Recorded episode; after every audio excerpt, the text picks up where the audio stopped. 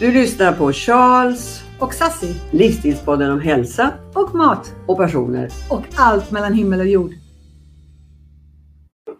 Och då så säger jag eh, välkomna till Charles och Sassi. Alexandra gånger två med gäster. Och eh, idag så har vi, ja är du där?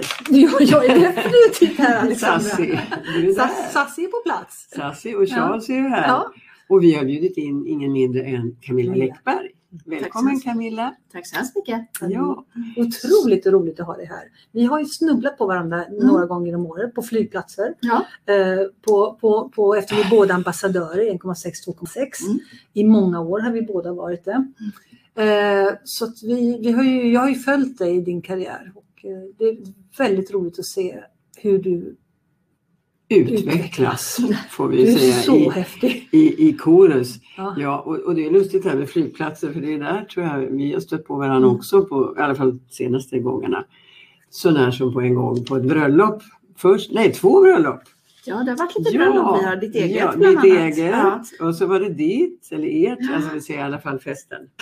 Nej, min man har ju heller inte riktigt förlåtit mig för att jag missade att eh, det var smoking till ert bröllop. Så att när vi kommer till, eh, till vigseln så eh, upptäcker han ju att han är den enda i kostym. Och han var ändå väldigt uppklädd i kostym. Han älskar ju att klä upp sig. Så att det var ju för honom också ett förlorat tillfälle att få klä sig i smoking. Ja. Och han tyckte det var så fruktansvärt generande. Men, och vi satt och viskade lite grann om det. Och då var det fina Noppe Mm. eh, som satt bakom oss och hörde oss och som eh, tröstade Simon och sa att du är så stilig. Det är ingenting att tänka på. Precis. Men det där får jag fortfarande höra ibland. Åh, så sorgligt. Ja, men vi, vi får väl helt enkelt göra om det då. Precis, vi- så att Simon får en ny chans till smoking. Ja, ja, men kan vi inte göra en så här firar. smokingbal? Fest? Jo.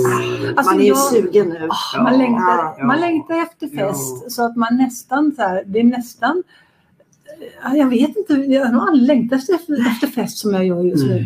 Jag hade något tillfälle här om veckan där jag faktiskt fick ha på mig klackar men jag hade nästan glömt bort hur man går i klackar. Jag såg ut som Bambi på halis som halkade runt. Ja, vad glad jag är att du säger det. Jag trodde bara det var jag. Jag menar i min höga ålder så kände så. För jag tog på mig också häromdagen ett par höga, högklackade och det var ju liksom Nej men oj, var det så här obekvämt?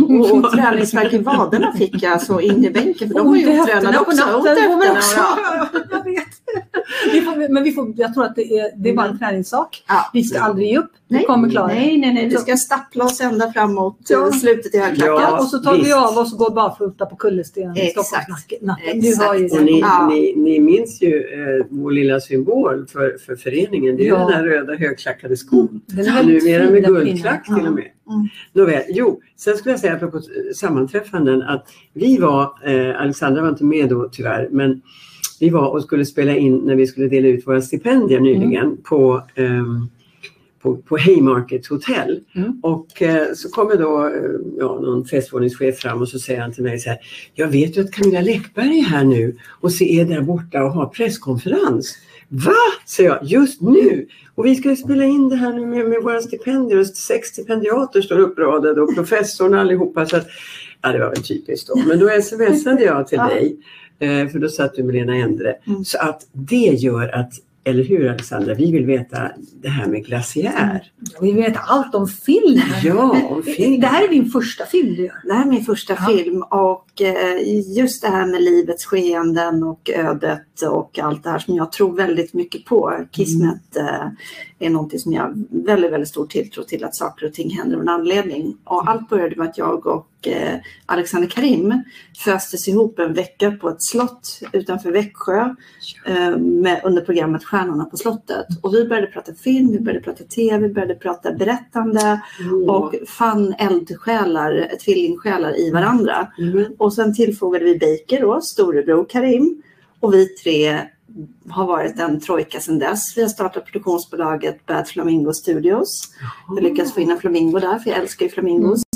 Och eh, så gjorde vi du, nu då under pandemin har vi gjort vår första långfilm Glaciär med Alexander Karim och Lena Endre i huvudrollen. Och att jag får så här, Ja, jag, ni ser, jag får eh, ståpäls och gåshud bara av att prata om Mm. det. Att få, alltså, kan ni tänka er att få göra första långfilmen som man gör med Lena Endre i huvudrollen? Alexander också, men honom är jag van vid. Mm. Men Lena, ah, Vilken lycka. ja det jag är har hört det. att filmatiseringen och ljussättningen och storyn är, Ja. alltså jag har hört att den, den är så otroligt behaglig att se men ändå har den här lilla mörka tonen över sig och, och den här hoppfullheten. Ja, vi visste inte riktigt heller hur den skulle tas emot för den Mm. är ju en speciell berättelse. Det är inte en mainstream Mm. eh, film. Det är en romantisk historia som äger rum på ett hotell mitt under en brinnande pandemi som är värre än Mm. den vi har nu. Med bara två människor i rollistan. Mm. Eh, Så vi var väldigt stolta på vår film men väldigt nervösa för om man skulle kunna ta den till sig. Mm. Men med facit i hand nu ett par veckor efter premiären så har den ju legat etta på Viaplays tittartopp i nästan tre veckor konstant. Grattis. Grattis. Och mottagandet som vi har fått är, ja nu fick jag ståpäls igen, Ja. det, är magiskt verkligen. Ja. Tyvärr har vi inte sett den ännu. Nej, men- ingen av oss har lyckats se den. men, det, men eh, vi har ju följt och läst recensioner och eh, som sagt det, det, det står högst på önskelistan. Och eh, ja, vi får väl se. Jag tänkte säga så att det skulle varit underbart att ordna en när man så småningom får träffas Mm. fler i salongen. För att som det är nu så är det väl bara åtta som kan Men titta. från första juni kommer det att vara eh, lite fler så jag tror att när det här Det är det. sänds så är det fler som får eh, Bra. sitta i salongen. Utmärkt, utmärkt. ja, för det är någonting att se film på bio. Ja, det är det. Ja. Vi såg den ju själva på bio. Vi Mm. hyrde ju en salong och vi i i innersta teamet som har gjort eh, filmen såg den ju eh, själva på bio första gången den var Mm. färdig. Följdfrågan måste ju vara förstås, jaha, blir det en film till? Idag faktiskt har vi haft eh, ett stort möte eh, där vi har pratat om nästa film och jag kan inte avslöja så mycket om den än. Men vår tanke är att vi kommer att spela in den utomlands och att det kommer bli en liten annan karaktär på, på den här filmen. Men vi är igång med nästa film. Mm. Och du har, du, har du skrivit manus eller håller du på skriva? håller på, jag håller på att börja Ja. att eh, skriva story nu, skriva Mm. berättelsen. Så att jag håller på med synops som vi kallar det just nu. Men du har ju så många strängar på din lyra. För att apropå en av våra kommande gäster, du vet Maria Wells, Mm. så eh, tyckte jag det var så underbart när jag fick höra henne framföra en sång av, av dig med text av, av eh, Camilla Läckberg. Så jag tänkte så här, wow! Jag skrev ju nästan alla låtarna på en platta som Maria och Robert Wells gjorde, en eh, jazzplatta. Mm.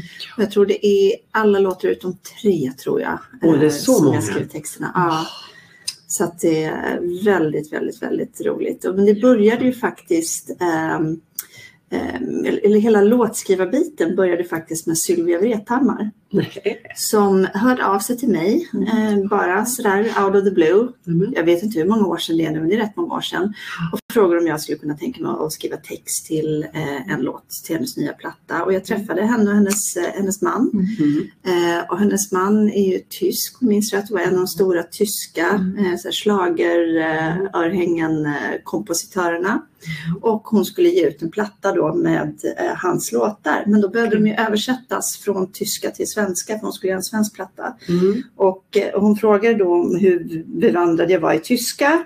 Eh, och här i livet så gäller det ju liksom att ta för sig. Så att jag svarade glatt att inget problem med tyskan. Jag pluggade franska i skolan. Så att när jag fick den här texterna som jag skulle översätta och fick välja vilken jag ville jobba med. Eh, Så det jag fick göra då var ju köra texterna genom Google Translate så att jag förstod vad de handlade om. Och sen kunde jag skriva en egen svensk tolkning. Okej. Men ja, ibland får man faktiskt fake it till you make it och det blev ju bra. Ja, Men ni det fick blev ihop musiken då? För det med, Musiken fanns ju så att då skriver jag en Mm. text. Är du musiker också? Nej, jag är inte För vi musiker. tycker men lite har... illa om det om det ska vara alla de här Nej, så, så, här, så här kan man Inte säga. alls. Inte alls. Vi älskar sådana som kan allt. Nej, men så här kan jag säga. Jag är inte musiker någonstans ens eh, i närheten. Mm. Eh, men jag har växt upp med väldigt, väldigt mycket musik och hållit på med musik hela min uppväxt. Mm.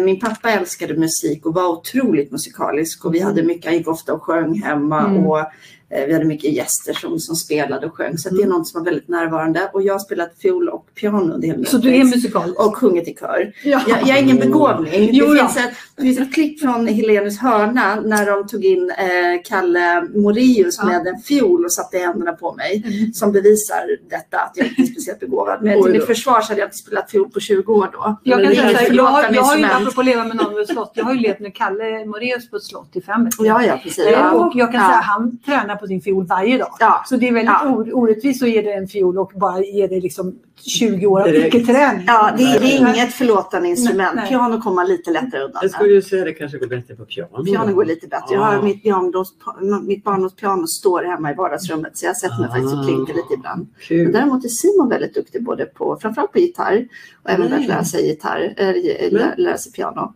Men musicerar ni ihop? Nej, det har vi inte gjort. Men däremot sätter sig ofta... Vår kombination är att jag står ju väldigt mycket och lagar mat hemma. Jag Mm. älskar ju matlagning och speciellt nu under Mhm. pandemin så har det blivit en nyfunnen kärlek. För det har gått upp och ner väldigt mycket under livet hur mycket jag har lagt tid på det. Men Mm. nu är det väldigt mycket tid. Mm. Mhm. Eh, och det syns lite på mitt omfång också. Men vi har ätit väldigt gott under det här året. Och då står jag i köket. Vi har så här öppet kök, vardagsrum i anslutning. Mm. Eh, Så att väldigt ofta så står jag och lagar mat i köket och så sitter han och eh, spelar gitarr och sjunger. Och Små det är väldigt Ja. mysigt. Ja, det är väldigt, väldigt mysigt. Åh, vad mysigt det låter. Men det är så roligt när du pratar mat. För, Ja. för jag, jag har ju lite grann sett några intervjuer med dig, bland annat hos René, eh, på Renés brygga. Eh, och jag vet ju att du har gjort böcker tillsammans med Christian. Eh, Hellberg. ja, precis. Mm. Två eller tre böcker. Två stycken Två böcker. Två böcker. kokböcker. Två kokböcker, helt underbara. Eh, och jag vet ju att jag känner igen mig så mycket i dig. Den här otroliga kärleken man, man har till mat. Mm. Men samtidigt den rädslan och hatet man har att man inte riktigt kan leva som man tycker alla andra. Nej. För jag är precis som Ja. du. Jag är Ena, ena, ena året kan jag vara ganska smal Mm. och vara nöjd med mig själv. Och nästa år så går jag upp. Och jag har också haft en pandemikilan som jag lagt på mig. Jag hade ju gått ner liksom på Biggest Loser och kände mig supersnygg, jättebra, allting. Och nu har jag lagt på mig dem igen. Och det värsta är att jag känner mig, när du sa det på Ja. Program, mitt självförtroende och min Ja. självkänsla, den dalar i takt med kilorna på bågen. Och så blir man så arg på sig Ja. själv. för Man tycker att man är en modern kvinna. Mm. Man är hyfsat eh, intelligent och eh, erfaren vid det här laget. Ja. Eh, man har all kunskap. Mm. Man borde veta bättre. Det är det Mm. jag blir så arg på mig själv. Jag borde veta bättre än att låta kilon påverka mig så otroligt mycket. Ja. Men jag fick faktiskt en otroligt eh, bra input från, jag gick i terapi en period eh, Mm. för några år sedan. Som fantastisk terapeut och då pratade jag om precis det här, framförallt att jag är så arg på mig själv att jag, jag vill inte att det ska vara ett issue. Jag vill inte Nej. Mm. att vikt ska vara ett issue. Jag vill inte att vikten ska definiera mig. Mm. Jag vill tycka likadant om mig själv oavsett om jag väger 20 kilo mer eller mindre. Mm. Eh, men jag kommer aldrig dit mentalt. Och då sa hon, eh, då sa terapeuten Yvonne, då sa hon att vet du vad, du har haft det här bandet i huvudet så länge Mm. att du kommer aldrig bli av med det helt. Du måste acceptera det. Det enda du kan göra är att minska antalet dåliga dagar och öka antalet bra dagar. Mhm. Men du kommer aldrig bli av med det här bandet helt. Och det var på något sätt lite en lättnad att jag lite kunde Ja. förlåta mig själv. Att jag är för präglad. Så är det Men, bara. men, Men är det- Camilla, får jag bara inflika nu för att nu hade, vi hade ett webbinar med två hjärnforskare Mm. i måndags eh, den här veckan. Nåja, spelar roll, men det finns på Youtube att se. Och eh, Hedvig, eh, hon är ja, 50-ish någonting. Hon, hon är eh, neuropsykolog i botten. Och eh, hon brände ut sig fast hon är hjärnforskare och visste precis var eh, gränserna går. Att man ska inte och hit men inte längre och så vidare. Och ändå så körde hon pang rakt in i väggen. Och så har skrivit en bok om att komma tillbaka. Men vad hon då säger nu när hon är tillbaka, apropå det vi just sa Camilla. Så säger hon att det går att tänka om. Jag menar vad man än har fastnat i. Det går att tänka om. Det går att ställa om sitt mindset. Det går att ändra sitt mindset. Det går. Mm. Men det är klart, det är, inte, det är inte så att jag kan säga att gör så här. Nej. Nu, men det går. Och det, så jag vill bara säga att du får, inte- du får inte säga till dig själv att så här är det nu för resten av livet. För jag tror inte på det. Alltså så gammal som jag är så tror jag Ja, jag tror det finns en skala. Jag tror det finns en skala. Jag tror att jag kan förflytta mig längs skalan. Men jag Mm. tror faktiskt inte jag någonsin kan få bort det helt. Jag tror att det är så sammanlänkat med min personlighet. Jag tror också att den perioden när det här formades, det var när man var så oerhört formbar. Det var under tonåren. Mm. Eh, och vi är väl ungefär samma, det skiljer väl inte så många år på oss. Eh, men man hade de här 80-talsidealen. Men de här supersmala, nästan pojkaktiga fotomodellerna som var eh, de som var förebilderna då. Och man läste Starlet eh, där det stod om hur man skulle dölja lite Mm. extra Mm. kilon Visst. och Hur man skulle hur man skulle dra sminka råkött för Ja. att det skulle se ut som en, ja men allt det här liksom. Mm. Eh, och inte ha fickor för då, fram till på skjortan för då såg man större Mm. ut och allt det här. Eh, så det, det, det var en period man var väldigt, väldigt formbar. Jo, är. Så att, men jag, tror- jag tror Nej, absolut jag att jag dig. kan förskjuta mig. Och den, kan det förskjuta arbetet det. försöker jag göra varje Ja, dag. Det ja, försöker jag. Och jag är också, jag ju döttrar hemma så att jag är otroligt noga med att inte prata om det här hemma. Det är, vi pratar inte vikt hemma. Eh, vi pratar inte storlek hemma. Eh, och jag kan också känna en stolthet när jag ser att den generationen, min äldsta dotter är 17, Jaha. och när jag ser på henne och hennes kompisar, de har en helt annan skala att förhålla sig till. Mm. Eh, de har Beyoncé, de har Kardashian, så man kan tycka vad man vill om Mm. de som förebilder och, och så vidare. Men det är en uppsjö av storlekar som de kan förhålla sig till och välja den förebild de positivt. tycker är härlig. Ja. Så de har en helt annat Ja, smörgåsbord mitt, idag än vad mitt vi spöke hade. var ju först Audrey Hepburn och sen var det då Ja. Twiggy. Ja, ja, precis. var liksom Ja. Jag, jag har nog också alltid känt att, att problemet är att när man är lite stor, jag är ju också 1,80 lång, Mm. så så fort jag blir lite stor så blir jag så otroligt mycket större än alla andra. Mm. Och när jag slutar respektera mig själv så kräver inte jag respekt andra. Och då känner, då förmin, jag förminskar mig själv i, i mötena. Och jag Ja. känner igen mig så mycket i det du säger. Att man blir ännu argare på sig Mm. själv. Att det här ska påverka. Mm. Jag är kock. Varför ska jag vara så jäkla snygg? Jag gör god Alexandra, mat. du Och varför skulle snygg vara lika med smal? Det är, Nej, det är där, det. där vi har fuckat upp. Ja, precis. Där kan jag också eh, reflektera rätt ofta över att när jag tittar på kvinnorna runt mig så har jag kvinnor runt mig i alla storlekar. Och jag gör inget likhetstecken när jag ser på mina vänner om att smal lika med snygg, större Nej, inte lika med nej, snygg. nej. Jag tycker de är skitsnygga även med former Ja, och oh, ja. jag tänker inte på det sättet Nej. om andra kvinnor. Nej. Jag tänker bara på det viset om mig själv. Så jag dömer mig själv enligt Ja. en oerhört mycket ehm, striktare skala Ja. än vad jag bedömer andra. Jag förstår. Och det är där problemet Jo, man är alltid hårdast mot sig själv. Ja. Man är alltid så- sin egen största kritiker. det viktiga är någonstans att få bort den här skammen. Att, Ja. att, att det inte Ja. ska vara Men skam. alltså jag måste ju Ja. säga till er båda då att ni är ju helt otroligt fantastiska båda två. Jag menar Camilla, du är ju superhjälte för så många på allt sätt. Alltså med allt du gör och producerar och lever och med dina barn och din familj och din karriär. Och din, alltså du har kommit över mängder med, med problem. Jag menar du berättar i, i Livspusslet, den här boken som vi skrev en gång för, eller ni skrev, Alexandra Sassi var också med, roligt nog i den så länge sedan om hur det var när du pluggade och att du var som prestationsprinsessa Mm. och nästan, vadå, brände ut dig då? Mm. För du skulle prestera, prestera. Men jag menar, ni är ju fantastiska och du Alexandra, jag menar, ni har ju etablerat er så att Jag, nu måste ni jag- förflytta er jag, jag den för den diskussionen med mig själv. Jag sätter Oh ja. mig ner på varsin ja, stol ja. och pratar med mig själv. Tycker du så här? Ja, jag tycker så här. Tycker du inte så här? Men Samma det spelar ingen roll. Det spelar ingen Nej, roll. nej. Alltså, problemet är för min del, jag vet inte om du känner igen det här. Mm. Ju mer jag blir medveten om det här, Ja. desto mer går jag till mat Ja, och ja, ja, ja, söker Oh, lugn och tröst. Så Oh, ja. det handlar ju också det handlar om ett beroende och därför Mm. håller jag med dig Mm. helt och hållet. Det här har man hela livet. Så det viktiga är att hitta vilka känslor är det som triggar igång Mm. det här beteendet hos mig, det här behovet hos mig. Och, vilk, och så finns det en sån här liten, lite fuck it. Ja. Nu orkar jag inte mer. du skiter i det. Då skiter jag Ja. fullständigt. Och då Resår börjar- uppfanns av en anledning. Ja, Heja men- Heja Spanx! Men här, men här pratar vi nu om allt underbart i övrigt Ja, ja. som era personligheter Ja, ja, innehåller. absolut. Men jag, jag, det faktiskt, för att jag har faktiskt gjort en poäng av att jag ibland, ibland på, i intervjuer, ibland på Ja. Insta Mm. berättar om det här. För det är så viktigt Och att man inte bara visar upp ytan av Mm. att allting är toppen, allting allting är Nej. för mig är det viktigt att visa upp att de här hjärnspökena finns i alla läger. Det, det är liksom, har inte med det ekonomi att göra, det har inte med framgång att göra. Nej, nej. Så därför så går jag Ja, ibland det är- ut och ja, gör och du, det. sk- du Det skriver så bra och jag tror att också att, att många kvinnor känner sig väldigt, och män för den delen också, för det är inte bara någonting vi har, känner sig också att när man får en igenkänningsfaktor så kan Mm. man lite lugna ner Mm. den här stressen som faktiskt sätter en ond spiral. Men om vi pratar positiva i maten då, Ja, hoppar vi över det där. Men, eh, Vad för du lagar, du. Vad lagar du för mat? Det är ju Nej, alltså, jag, eh, jag gillar ju den här typen av matlagning och är väldigt stolt över att jag kommit till den punkten att jag kan titta, öppna kylen och skafferiet och titta vad jag har hemma och Mm. göra någonting av det.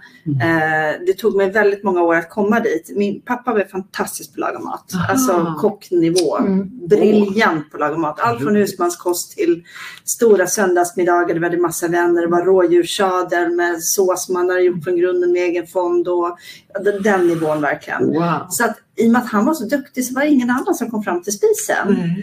Eh, så att när jag flyttade hemifrån så kunde inte jag laga mat överhuvudtaget. Hade man sagt till mig att man kokar ett ägg i 40 minuter hade jag bara ja, alltså jag har ingen aning. Så jag har fått lära mig själv på egen hand att laga mat och det började jag göra genom att så här, följa kokböcker slaviskt. Mm. Stod det ett Mhm. kryddmått salt så tog jag ett kryddmått och skrapade av det. Alltså, och sen har jag byggt upp min kunskap genom åren genom att Ah. göra från kokböcker tills jag till slut kunde börja våga Mm. experimentera. Men det blir mycket, alltså det, Det är som jag musiken du, att spela Ja. efter noter. Ja. Där plötsligt kan man släppa noterna Ja men lite och så sådär. blir man fri. Mm. Så kan Men jag man... lagar allting. Jag är turen att ha barn som tycker om det mesta i matväg. Så att allt från en fisksoppa till slänga på eh, kyckling på grillen och med massa så här, färssparris och jättemycket grönsaker. Mm. Älskar att laga mat med grönsaker. Mm. Och även att göra lite grann så här, men försök också göra lite hälsosammare fast göra det gott. Det är det som jag hela tiden tycker är utmaningen. Jag, jag pallar inte att bara sitta och äta keso med, Nej. alltså jag, jag gör inte det. Då kan jag lika gärna lägga av och Och leva frågar det. gott. hälsosamt det är att äta men det är är måste vara gott annars tycker jag, annars blir livet liksom blir grå. Njuta av Ja. livet. Men det är mycket så här blomkålsris istället för vanligt ris tycker jag blir godare. Jag har i massa kryddor och Mm. så att mycket, mycket Mm. ganska fräsch matlagning Mm. vågar jag påstå. Kul. Det är också fördelen när man har vuxit upp med en, en familj där man liksom både har lagat god mat, för då har du Mm. fått, då vet du hur det ska smaka, Ja, men också kanske vårdat mötet runt bordet. För Oh ja. det är ju så viktigt i matlagningen att, Mm. vi, att man skaffar sig vänner som man bjuder hem. Alltså idag sitter ju väldigt många ensamma och lagar mat och det största problemet med ensammatlagning är att man inte lägger så mycket tid på det. Eller, eller tror, jag menar, det är väldigt många som inte lagar därför att Ja. de är ensamma. Ja, precis. Och då blir det halvfabrikat. Och så, Ja, men de har ingen lust. Det- nej, det är nej man tappar lusten. Nej, det är Så det är en sak som jag brinner Ja. ganska mycket för. Det är att bjud hem grannen. Bjud hem folk mer. Nu har det varit en pandemi det så det har ju ställt till det ännu mer Ja. för oss. Men någonstans att man skapar den här teatern runt bordet och det här öppna samtalet. Men det är vi faktiskt jättebra på. Mhm. Eh, innan Mm. pandemin så hade vi ofta alltså, stora middagar. För vad som händer är att Simon och jag börjar prata om så att, ah, men ska vi inte bjuda hem ah, Niklas och Jenny? Mm. Och, så eh, Mm. skickar vi ett mess och bara, ja, tack, kom jättegärna. Men nu när vi ändå har bjudit dem, ska vi inte bjuda de här, de här, de här också? Ja, så kommer de och så, men då kan vi lika gärna bjuda de här också. Så att vi går ju ofta till så här, plötsligt är det 20 pers som kommer. Och jag tycker det är roligt. Då står jag i köket, man får inte hjälpa till. Det är det värsta jag vet när någon ska hjälpa till i köket. Jättegärna hjälpa till med disken efteråt, för det hatar jag. Jaha. Men gå inte in i köket och börja pilla på mina grejer. Men få gärna ett glas vin. Absolut, absolut. Ehm, och sen bara langa ut skålar på, vi har skaffat ett gigantiskt, ja men nu ser, jag vet inte hur Ja. stort det här är, så här Nej. stort är vårt matsalsbord fast lite bredare. Ehm, kan ju beskriva för, Kanske 1,50 ja det, det är ett stort, stort bord. Ja. Mm. Och vi har två iläggsskivor till dessutom så att jag tror det kan bli Mm. fyra meter långt det här bordet. För att kunna ha mycket Mm. gäster. Härligt. Så det längtar jag efter igen och det är den typen av matlagning jag verkligen älskar. Att massor. Underbart. En italiensk familjemiddag. Ja, vad härligt. Ja. Så lite, lite, lite kaos i det hela. Ja, Men, men, men är italiensk mat, är det det som du mest brinner för? För du kommer ju från Fjällbacka och där Ja. har ju närheten till fisken och skaldjuren. Ja, verkligen. verkligen. Musslorna. Alltså jag älskar ju alltid det som är grejen. Jag älskar skaldjur. Eh, allt inom skaldjur. Jag älskar det ju vad jag har vuxit upp med. Så jag är ju sportskämd med det. Så pappa fiskade hummer och krabbor och vi har inte Mm. kunnat köpa direkt från fiskarna. Och, Mm. Så det är ju en passion. Men jag älskar också italienskt. Mm. Eh, alltså jag skulle kunna äta pasta tills skorna kommer hem. Liksom. Alltså det, det jag älskar Mm. pasta. Och ehm, sen älskar jag libanesiskt. Jaha. Och jag älskar asiatiskt, såna asian fusion bland det bästa jag vet. Så att Oh. det finns ju liksom ingen mat jag Det måste diskriminerar vara, om man måste säger vara så. väldigt svårt om jag nu vore till exempel eh, Simon och så ska man bjuda dig på en romantisk måltid. Och liksom klura ut vad ska jag då hitta på?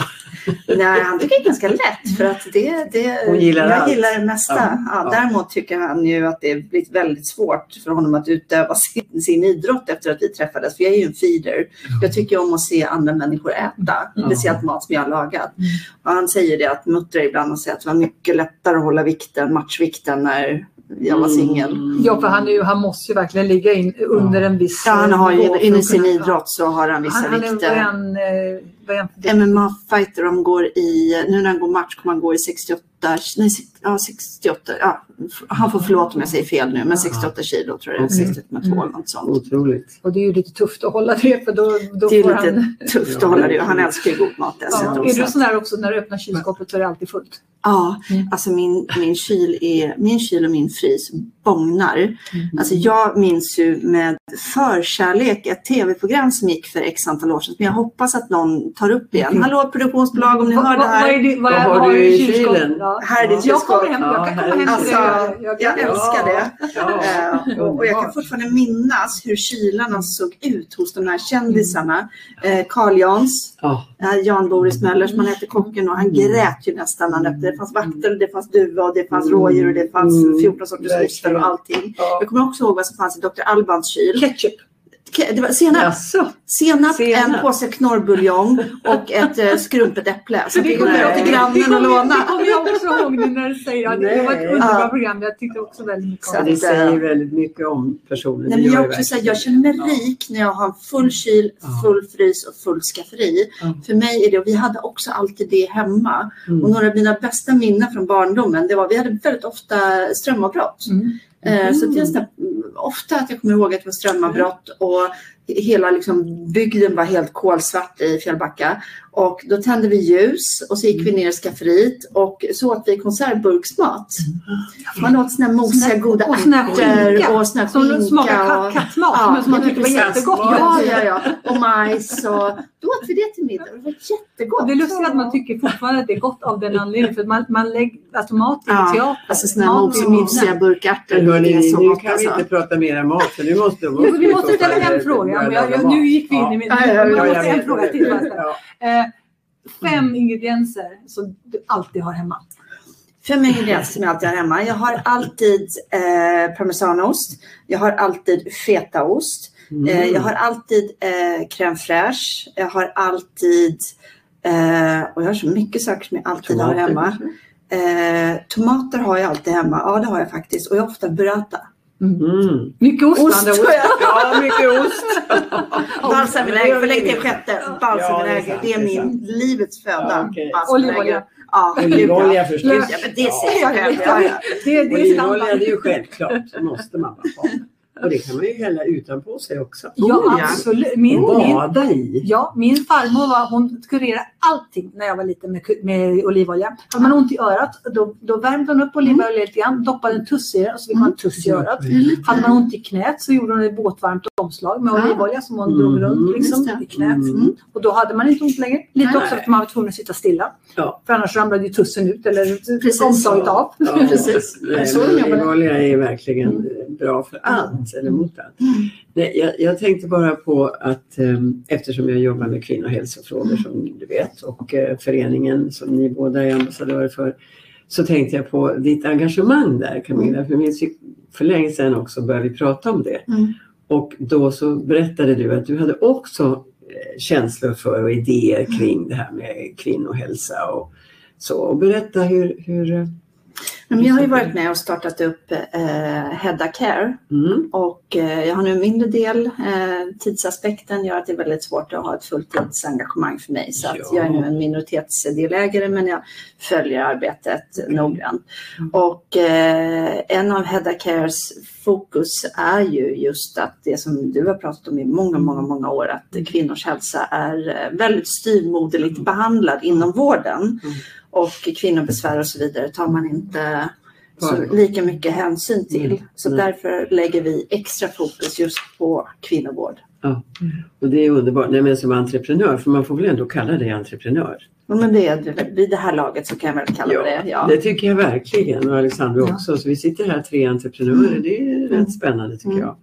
Och då är det väl så att man drar igång saker, eller hur? Framförallt när man Sen- ser att det saknas, precis som du var inne på, att den kvinnliga hälsan har ju glömts bort lite grann och hinns med. Och det är det inte först sista fem åren folk har upptäckt att det finns något som heter klimakteriet. Mm. Eller så är man själv är där just nu. Nej, men det är nog för att man själv är där just nu. Nej, men jag vet inte Men- upptäckt, men att, att man vågar prata om det. På samma sätt att man vågar prata. Och det där är ju helt underbart med de unga tjejerna som du var inne på, de unga tjejerna av idag. Jo. När man tittar på tv-serier, ja, men man vågar prata om Mm. mens. Man vågar Mm. prata om att man kanske kan vara gär, bärare av en, en gen som kan ge en Men jag tycker nog att det bröstcancer. går, det går i vågor ändå. Ja. Att Mm. man har vågat men man kommer tillbaka. Och då är det som att åh, nu har man upptäckt det på nytt. Mm. Det är precis som att det är en ny upptäckt. Mm. Wow! Men det var häromdagen, det var bara i förrgår, så, så hörde jag på, på Morgonekot, ni kanske också hörde det, att då har Världshälsoorganisationen gått ut och konstaterat och det var UDs hälsoambassadör som då uttalade sig i, i, i Sverige som sa det att ja nu så har vi upptäckt att det saknas kunskap om kvinnors hjärt-kärlsjukdomar. Mm. Och det är någonting som har kommit fram under pandemin extra starkt, Mm. att det saknas kunskap och Ja, forskning. men det finns ju många som så- tror knappt att kvinnor knappt kan få hjärtinfarkt. Man hör bara Precis. talas om den manliga hjärtinfarkten. Mm. Och bara, Ja. kan kvinnor också få det? Ja, oj då. Ja, Jättemärkligt. ja visst är det. Och här, här har vi ju nu i 20 år Mm. Jobbat med det här. Och då tycker jag det. Och varje år delar vi ut stipendier i det här Mm. ämnet. Och eh, senast i mars i år ju då, när vi var där på Mm. Haymarket, så var det det vi filmade och sen sände ut i vårt webbinar. Mm. Att 6 stipendiater blev, eh, fick dela på 610 000 i alla fall. Mm. Eh, som går till forskning på kvinnors hjärt-kärlsjukdomar, endometrios och gyncancer. Så det är väl himla bra. Ja, och precis att Mm. symptomen kan vara olika och att vi är, att vi Ja. är olika Ja. som kvinnor och män. Ja, visst. Men nu eh, en brandfackla, Mm. vill jag höra vad du tycker. Apropå kvinnor och Mm. män. Att nu får vi inte ens använda orden kvinna och man längre. Mm. Ja, det, här, det det? här är ju en het potatis att ge sig in i och jag har för lite kunskap. Jag har börjat att läsa på Mm. eh, för att bli lite mer kunnig. Eh, Okej. Så att jag känner, jag har svårt att svara på den frågan för jag känner mig väldigt, väldigt okunnig och det är väldigt lätt Mm. att svara bara i affekt och säga att men det är klart, det finns man och kvinna. Ju mer man läser på, desto Mm. mer ser man att det även finns fler biologiska skillnader än bara så enkelt som man och kvinna. Eh, Så att jag är lite i processen att lära mig Mm. mer faktiskt. Är lite mitt diplomatiska svar Försiktig där. general. Nej, men jag, jag, har en, jag har faktiskt en, en ganska stor ödmjukhet inför Mm. att det är ett område som jag inte kan så mycket Mm. om. Ehm, ja, det är klokt. och sen har jag också en stor empati med de människor som föds i fel kropp eh, Ja. och den smärtan och hela och det hänger Ja. ihop med hela den här diskussionen. Så det är så oerhört lätt att trampa fel och att trampa någon på tårna. Ehm, Men, men kan man inte säga, jag vet inte, vi, vi tog upp det här lite Mm. innan här, eh, Alexandra och jag.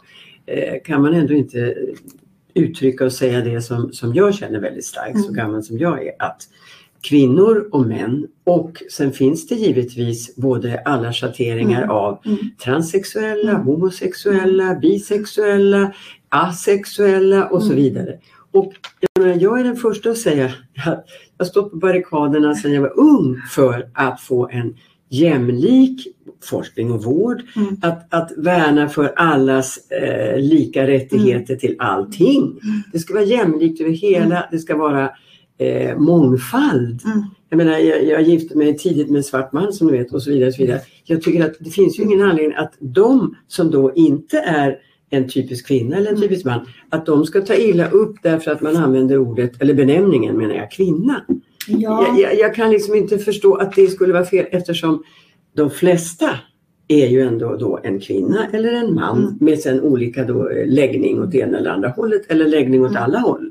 Och vi ska väl däremot tycker jag värna om att alla ska respekteras.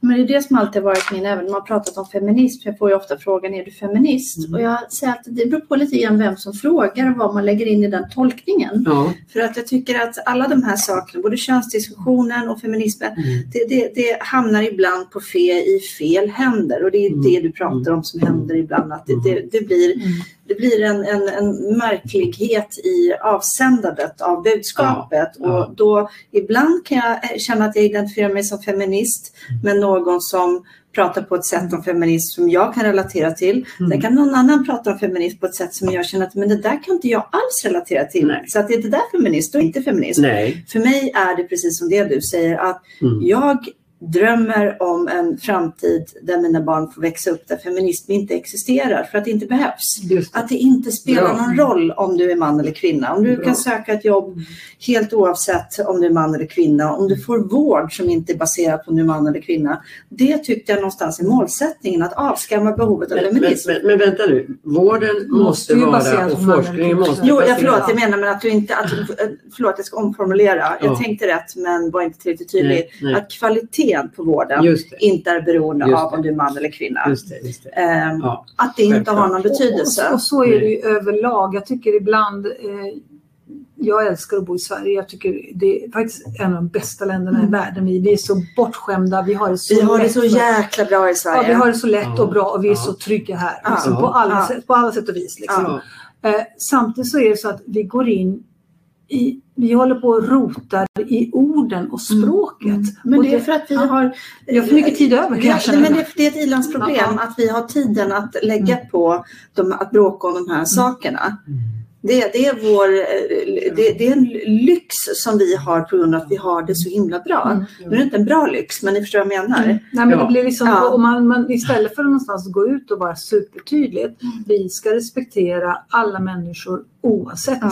oavsett Ja, alla oavsett, människors oavsett. lika värde. Mm. Ja, Det är det det och, handlar om. och, och där, där kan man väl förstå, alltså inom vården, när man kommer till en, en vårdbehandling Ja. så bör man ju kanske veta om det här är en kvinna med äggstock eller en Mm. man med prostata. eh, Liksom. Ja. Men att man kanske i första skedet när man skriver in sig inte ska bli bedömd. Eh, För att Mm. det är också lite grann som du har varit inne och jobbat väldigt mycket med. Att många kvinnor har ju haft, ja det är kvinnoproblem. Mm. Det är liksom bara, bara för 100 år sedan eller 50 år sedan så var ju kvinnor hysteriskor. Ja, Och precis. Och in- nerverna. Ja, det var nerverna, Nerverna. och blev inlåsta på hem. Och det, finns ju, det finns ju läkare man går till idag om man har liksom just, Ja. just eh, kanske ja, mensvärk eller klimakterieproblem som bara, ja ja, men det går över gumman Ja. lilla. Det går Ja, över. Eller så är det bara. Eller så är det bara. Ja, visst, apropå grava problem som endometrios så vill Ja. ju just... Som, som många unga kvinnor inte får hjälp med Nej, idag. visst, visst Och jag har faktiskt precis för ett par veckor sedan gjort ett ingrepp som jag borde ha gjort eh,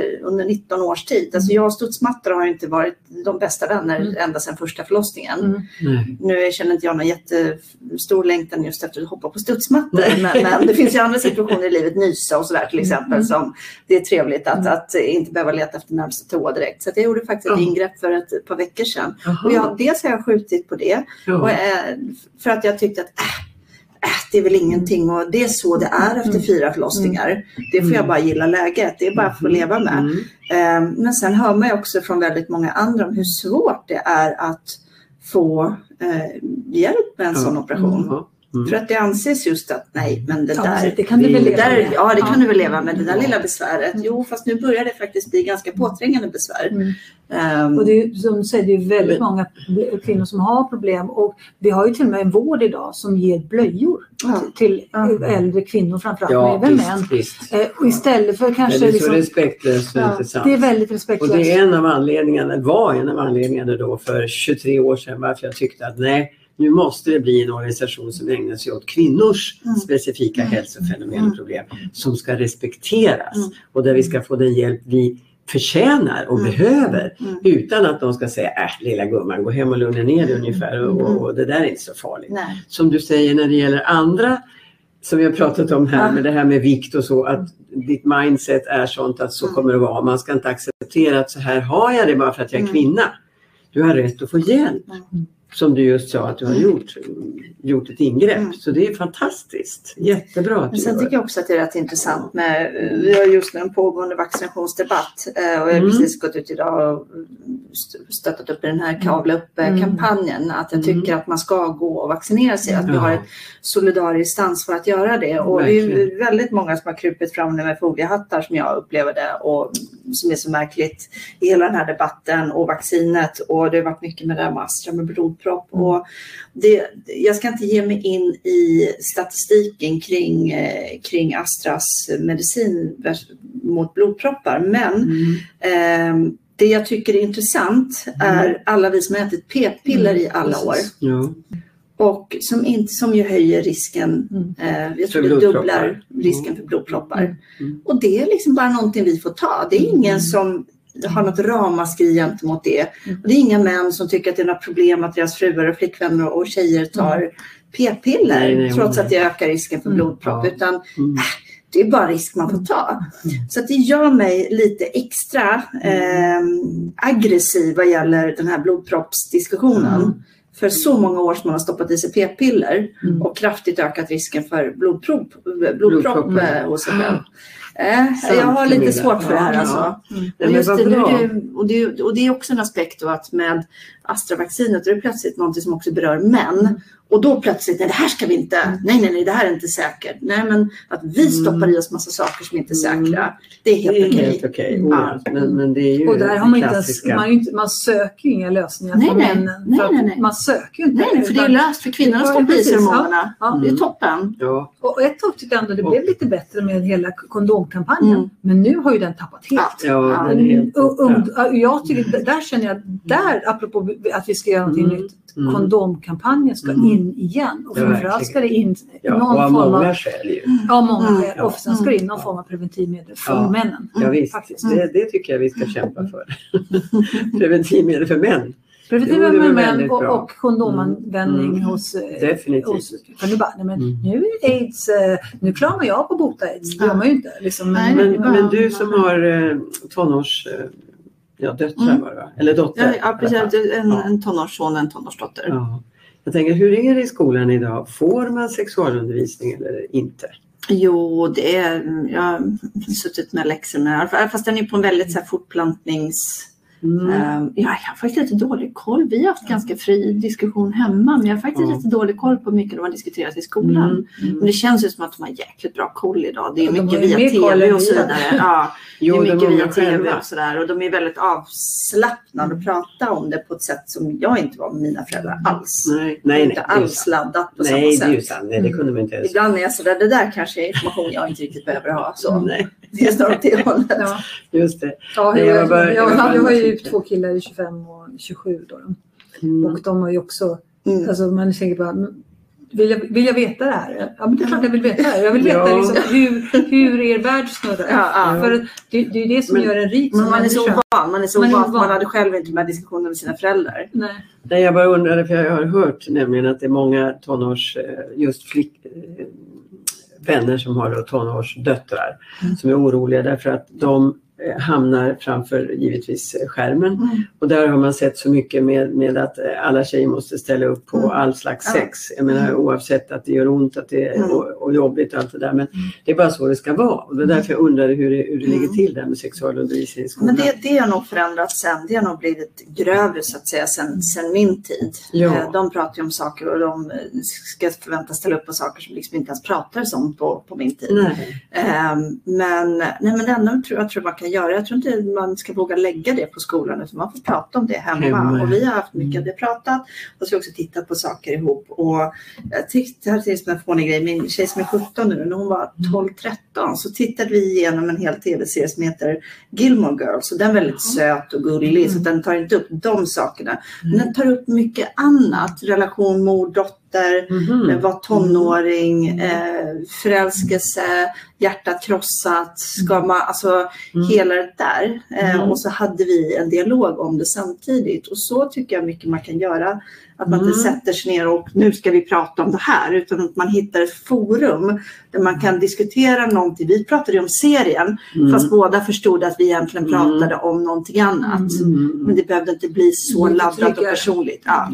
Vi kunde prata om vad vi tyckte att de skulle göra, Mm. karaktärerna i en Och tv-serie. och då lägger man också fokus på känslor lite grann. Ja, lite så. Mm. Om du skulle idag få, eh, eller ha, ska vi säga, rollen som, slog det mig plötsligt att det vore kul att veta, som, eh, låt oss säga, eh, jag vill börja med kulturminister.